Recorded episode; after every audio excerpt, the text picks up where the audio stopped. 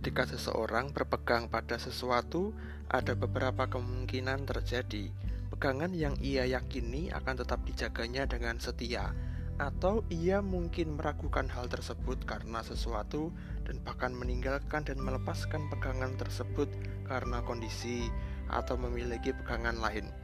Lebih jelasnya, pegangan ini adalah soal prinsip dan nilai yang dihidupi manusia. Nilai dan prinsip itu perlu dijaga Meskipun berlaku universal, umum, wajar, dan masuk akal, manusia bisa begitu saja meninggalkan pegangan hidupnya demi pengalih perhatian yang lain yang ia kejar dengan motif yang keliru. Amsal berikut menunjukkan kepada kita tentang konsistensi terhadap pegangan hidup.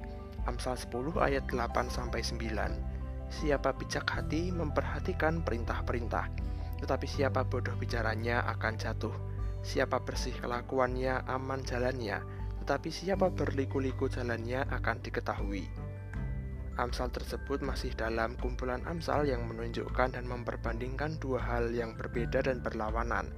Yang pertama, yang disebut bijak hati, orang tersebut memperhatikan perintah-perintah.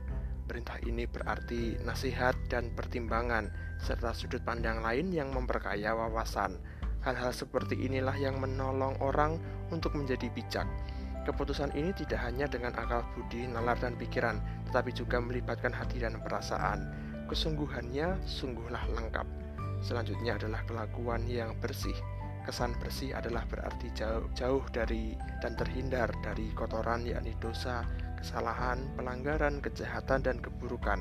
Tindakan yang bersih adalah jalan yang aman, Keamanan ini bukan sekadar karena tidak adanya konsekuensi celaka karena kebaikan, melainkan memang karena buah dari perbuatan yang bersih merupakan sesuatu yang berkenan bagi Tuhan.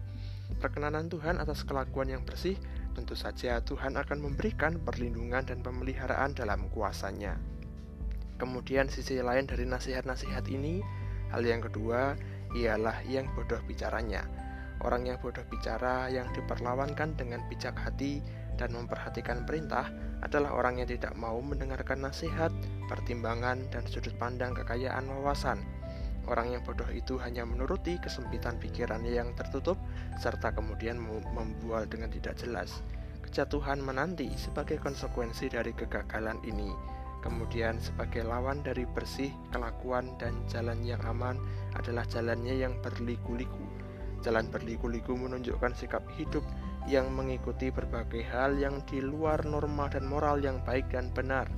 Jalan berliku adalah gambaran untuk hidup yang melenceng dari hidup yang lurus, menjalani kehidupan yang kotor.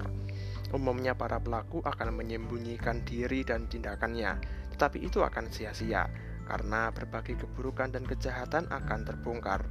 Tuhanlah yang diyakini akan campur tangan terhadap kejahatan dan keburukan manusia, sehingga pelakunya akan terjatuh dan ketahuan.